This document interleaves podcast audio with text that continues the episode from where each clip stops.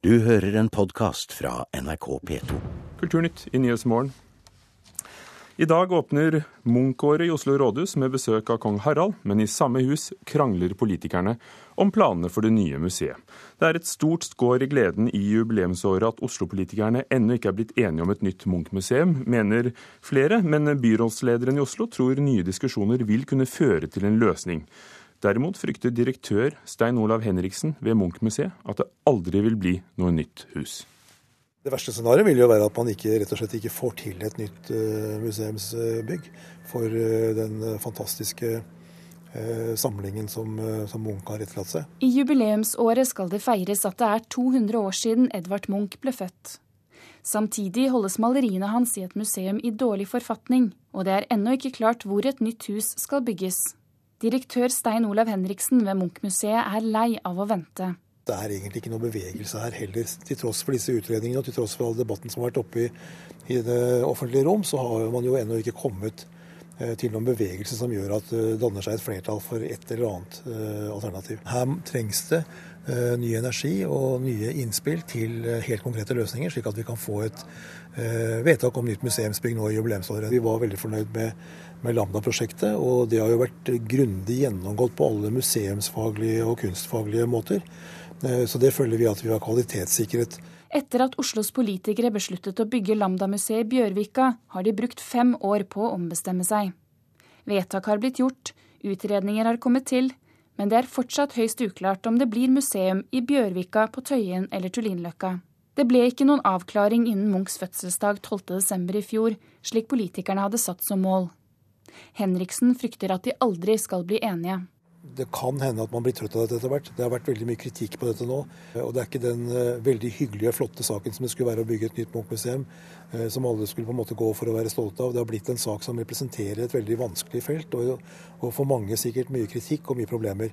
Og Dermed så er jo min engstelse at, uh, at de som nå drar dette og ønsker å få det gjennomført, går trøtt av hele saken og og legger den til side. Og at det skal mye til da, og i hvert fall lang tid, eh, før noen tar den opp igjen og finner eh, fram til løsninger. For egen del kan jeg i hvert fall si at jeg er eh, enda ikke trøtt av dette. Jeg er veldig opptatt av at vi skal få det på plass. Det sier byrådsleder i Oslo, Stian Berge Røstland fra Høyre. Han planlegger en ny diskusjon om museet på grunnlag av de siste utredningene. Men hvordan politikerne skal bli enige, er fortsatt ikke helt klart. Nå har vi all informasjon som er etterspurt. Eh, og når vi nå får fremmet saken for eh, bystyret, så tror jeg det vil kunne eh, legge et grunnlag for at vi får den endelige diskusjonen vi trenger om hvordan vi gir Norges viktigste kunstner et moderne og nytt museum. Stian Berger Østland, byrådsleder i Oslo, reporter Ida Kvittingen. Kulturkommentator Agnes Moxnes her i NRK. Nå har eh, denne dragkampen om hvor museet skal ligge pågått siden 2002. I denne omgang, de kranglet sist da det forrige ble bygget òg. Eh, hvor stor mulighet er det for at politikerne vil bli enige i løpet av dette som er Munch-året som åpner i dag? Altså, Vi hørte jo Stian Berger Røsland, byrådsleder i Oslo, her si at han ikke er uh, trøtt av sakene. Han er kanskje ikke trøtt av den, men jeg tror rett og slett ikke han uh, vet sin arme råd. Jeg tror at uh, når han sier at han skal fremme en sak, så mener han det, men jeg tror ikke han vet hva slags sak han skal fremme, hva slags ordlyd den skal ha, for at man skal klare å sikre et flertall for et uh, nytt uh, Munch-museum. Nå tror jeg både gulrot og pisk er blitt grundig prøvd ut.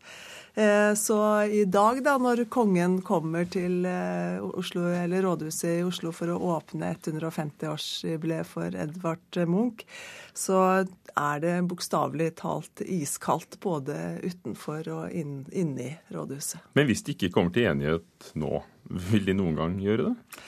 Altså jeg forstår eh, altså, eh, Direktør Stein Olav Henriksen når han sier at han er, han er redd for at alle blir grundig lei av alt som har med Munch-museet å gjøre. Jeg kan bare tenke meg at Kulturnytts lyttere sitter og Nei, ikke en runde til. Eh, men det som har skjedd, er jo at det også har gått en slags sånn politisk betennelse i denne saken for hvert enkelt parti. Fordi i Høyre som jo er for Lambda og Bjørvika, så finnes det masse folk, eller velgere eh, og partimedlemmer som syns at Lambda er, er et museum man ikke skal bygge. Det er for høyt, det er et knekk på det, ligger feil. I Arbeiderpartiet som jo går for Tøyen og er helt klar i sin liksom, holdning til det, så finnes det masse eh, medlemmer som syns at Bjørvika og arkitekturen med Lambda er av beste sort. Sånn at det er eh, mange som gleder seg til den dagen dette her er over. Så dette handler ikke bare om partiskillene eh, innad, i hvert fall. Carl I. Hagen har sagt noe som han også gjentok i Kulturnytt i går, at Munch-museet bør bli en stiftelse for da kan også staten bli med. Ja. Det som er helt sikkert, er at presset mot staten øker i denne saken. Jeg tror de fleste tenker at Munch er ikke bare for Oslo, han er for hele Norge. Men kulturminister Hadia Tajik hun kan rett og slett ikke gjøre noe med det så lenge hun ikke blir spurt om det fra Oslo kommune. Eh, det Carl I. Hagen eh, ber om, er at man gjør om Munch-museet til en stiftelse. At man gir museet et styre, og at man inviterer både Eller altså at man inviterer staten til å sitte ved dette styrebordet. Og da kan man få en ordning som gjør at Oslo sitter som eier av samlingen. Men at det å bygge eh, det nye huset og drifte museet, både i forhold til Norge, Norge og utlandet, blir en eh, jobb som Oslo og staten kan eh, jobbe sammen om. Og Han vil jo gjerne ha, ha med noen private penger òg, eh, men hvor sannsynlig er det? Det tror jeg er svært sannsynlig, for det passer veldig godt i den kulturpolitiske tenkningen som man ser utvikler seg i Oslo kommune nå, under venstremannen Halstein Bjerke, som jo er leder, som er altså kulturbyråd, nei, kulturbyråd i Oslo kommune. Takk skal du ha, Agnes Moxnes. I kveld åpner altså Munch-året, 150-årsjubileet i Oslo rådhus.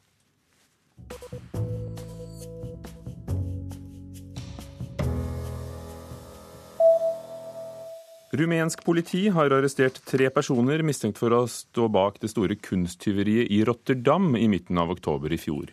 Syv malerier av bl.a. Picasso, Matisse og Monet ble stjålet fra galleriet og kunsthallen der.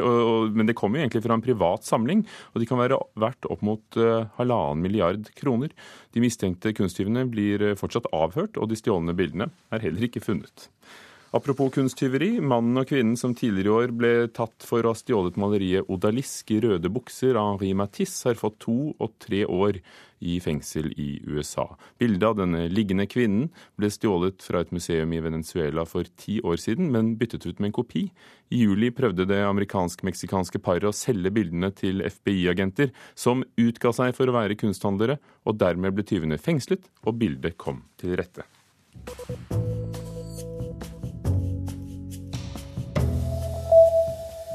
Philip Glass er en av de få nålevende komponistene som får operaer fremført over hele verden, og nye operaer. I går kveld var det verdenspremiere på hans siste, på Teatro Real i Madrid i Spania.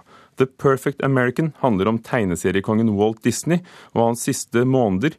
Fordi Disney-konsernet hittil har vært så strenge, har det aldri tidligere vært laget verken teaterstykke, opera eller film, inntil altså nå.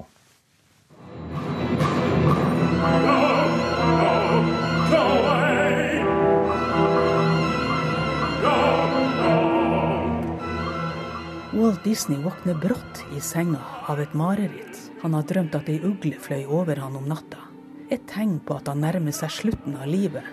Slik starter The Perfect American, den første opera som er laga om underholdningskongen Walt Disney.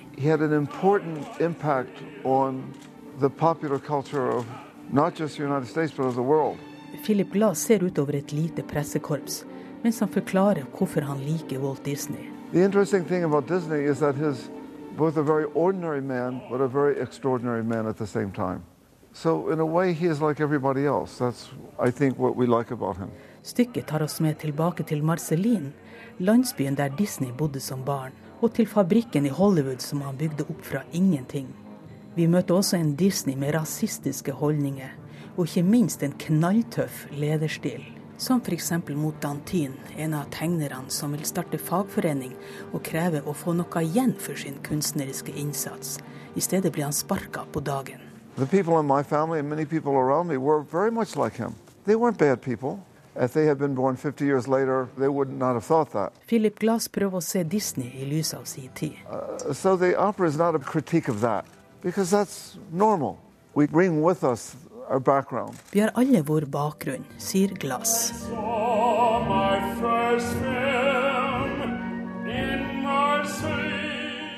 Disney var historiefortelleren, men han tegna ikke sjøl. Well,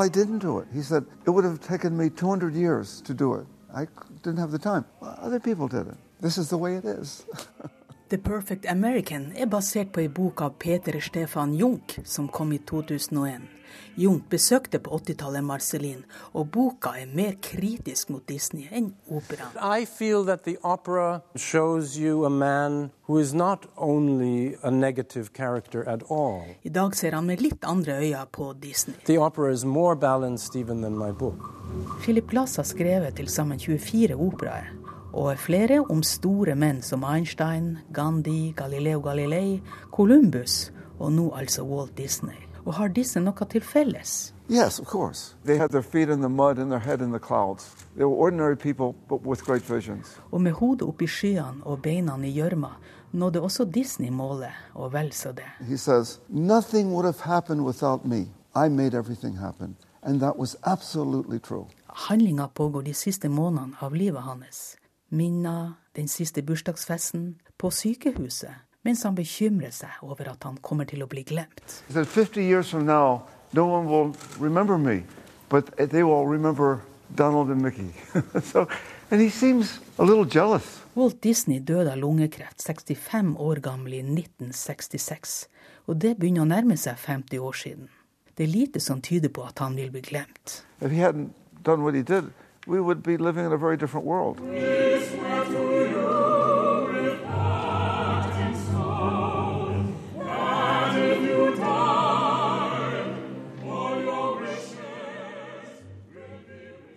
Var Lillian Olsen som var eh, reporter i Madrid, og operaen The Perfect American om Walt Disney vises der frem til 6. februar, og så skal den til London i juni.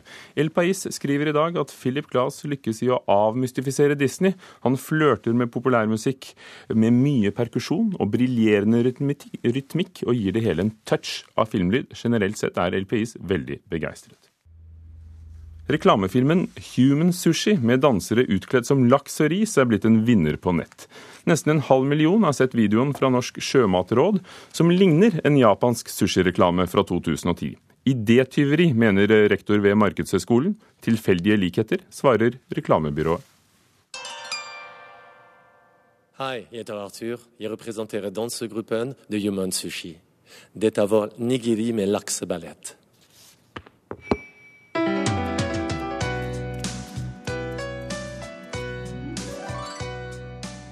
En i lakserosa trikot og en i hvit trikot. Amatørdansere legger seg ned i en slags sushiformasjon ved at den hvitkledde krøller seg sammen som en liten risball, og den laksefargede legger seg over som et lokk av fersk fisk. Sammen blir de til en bit nigiri-sushi. Videoen er en del av årets reklamekampanje fra Norsk sjømatråd. Den er signert reklamebyrået Try Apt, og har blitt en kjempesuksess med omtale i flere utenlandske aviser og nesten en halv million visninger på nett. Dette er lyden av en annen sushireklamefavoritt på nett. Den er laget i Japan i 2010. Der møtes to personer og farger seg henholdsvis rosa og hvit ved hjelp av maling. Som i den ferske norske reklamen ender de to i en tilsvarende sushiformasjon, og også de blir til en bit nigiri-sushi. Kan jeg vise deg den? Eh, det kan du godt gjøre. Fred Kile i reklamebyrået Try Apt, som har laget den norske reklamen, sier at ideen deres kom før de hadde sett den japanske videoen. Ja, lang tid i etterkant, når vi egentlig jobba med eh, uttrykksform, så, så, kom denne videoen opp. Vet du at ingen av de som var i teamet, hadde sett denne japanske mm. filmen? Det vet jeg. Det vet jeg. Men det tror ikke Trond Blindheim på.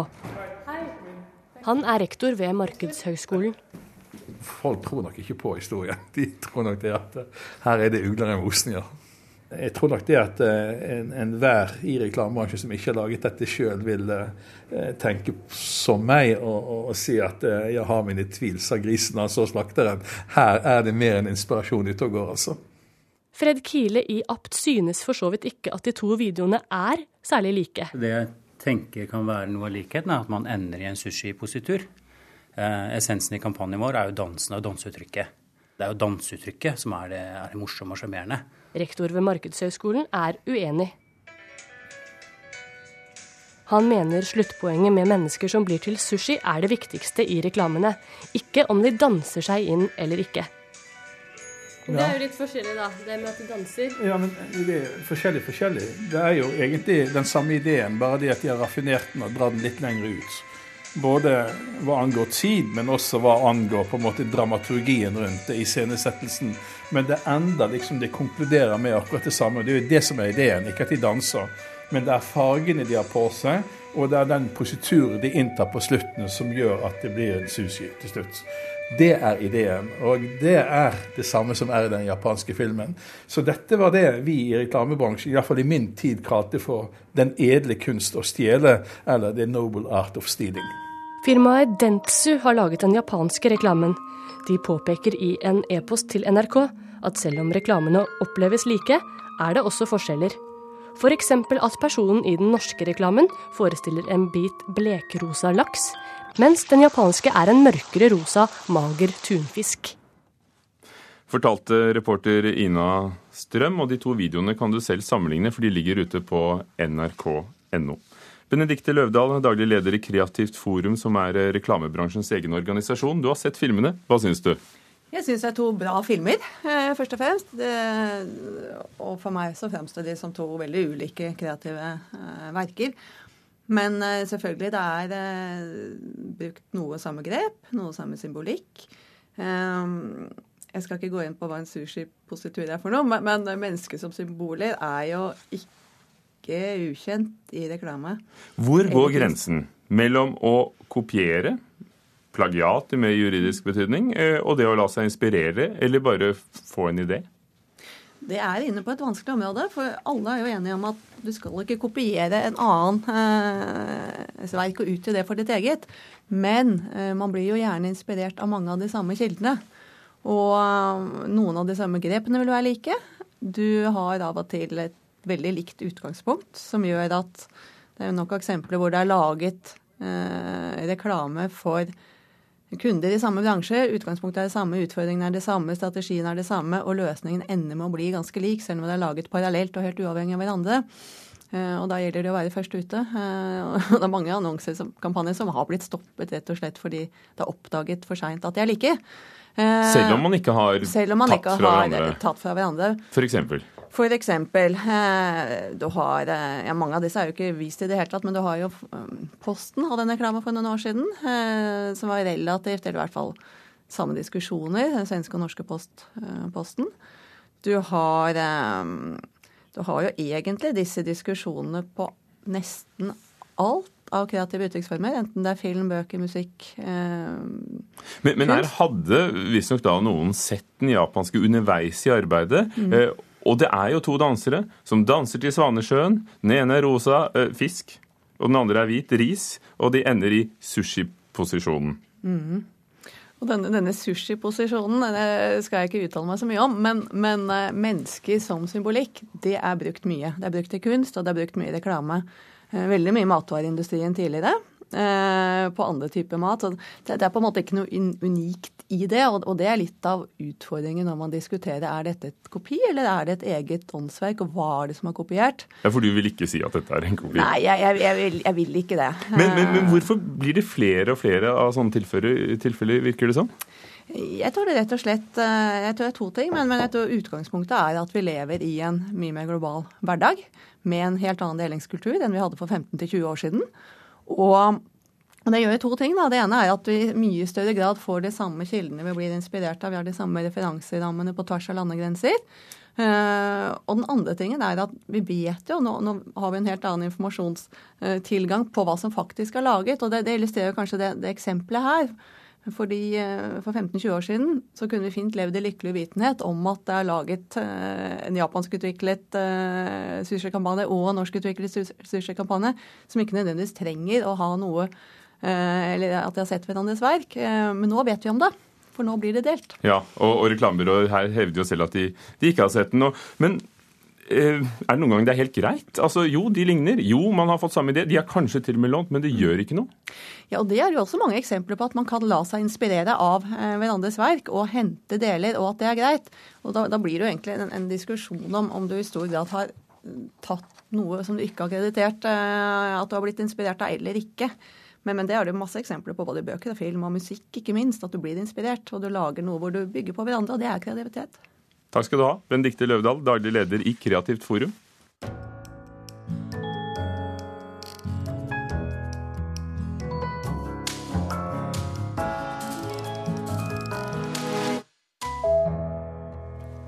Med sine knappe og fortettede fortellinger med utgangspunkt i kriminalsaker fra Berlin på 2000-tallet, har den tyske forsvarsadvokaten Ferdinand von Schirach skapt seg sin helt egen plass i tysk litteratur. Nå har han skrevet sin første roman, det er et rettssalsdrama, Colini-saken. Von Schirach løsner på slipset og får leserne til å tørste etter mer, mener vår anmelder Knut Hoem. Vi er vel alle skapt for det vi gjør. Dette Hemingway-sitatet innleder den første romanen til Ferdinand von Chirac. Den nå 49 år gamle von Chirac syntes som skapt for rollen som berømt forsvarsadvokat i Berlin.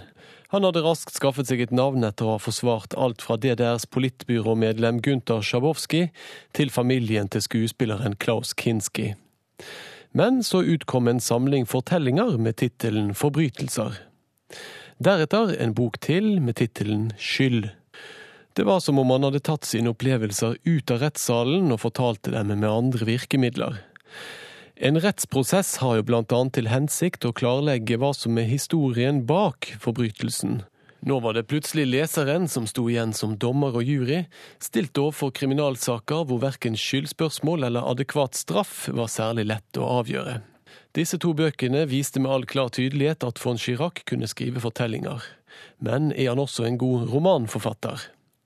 I hans første roman, Colini-saken, endrer von Chirac fokus. I saken mot Fabrizio Colini står den unge forsvarsadvokaten mot den eldre stjerneadvokaten i aktoratet. Colini har skutt en 85 år gammel industrimagnat fire ganger i hodet i en suite på Hotell Adlon ved Brandenburger Tor. Deretter gikk han ned i resepsjonen og meldte seg for politiet. Det er altså ikke morderen vi skal finne i von Chiracs korte roman, det er motivet. Alle involverte i saken mot Colini ønsker at tiltalte skal få en rettferdig dom. Men hva skjer når lovverket faktisk bidrar til å beskytte de verste forbrytelser begått av stornazister under den annen verdenskrig? Dette spørsmålet presser seg fram i løpet av sakens gang. I dette oppgjøret med tysk etterkrigsjustis sine mer tvilsomme sider har von Chirac funnet fram til temaer som er i slekt med dem Kjartan Fløgstad behandlet i sin roman Grense Jakobselv. De lovendringene som er beskrevet i romanen, skjedde også i virkeligheten. Romanformen har forløst noe hos von Chirac. Denne boken er ikke så knallhard og fortettet som fortellingene. Kanskje er det nærheten til de faktiske historiske hendelsene og rettssakene som gjør at jeg etter endt lesning tenker at von Chirac kunne diktet enda mer og gitt sine hovedpersoner enda mer liv og historie.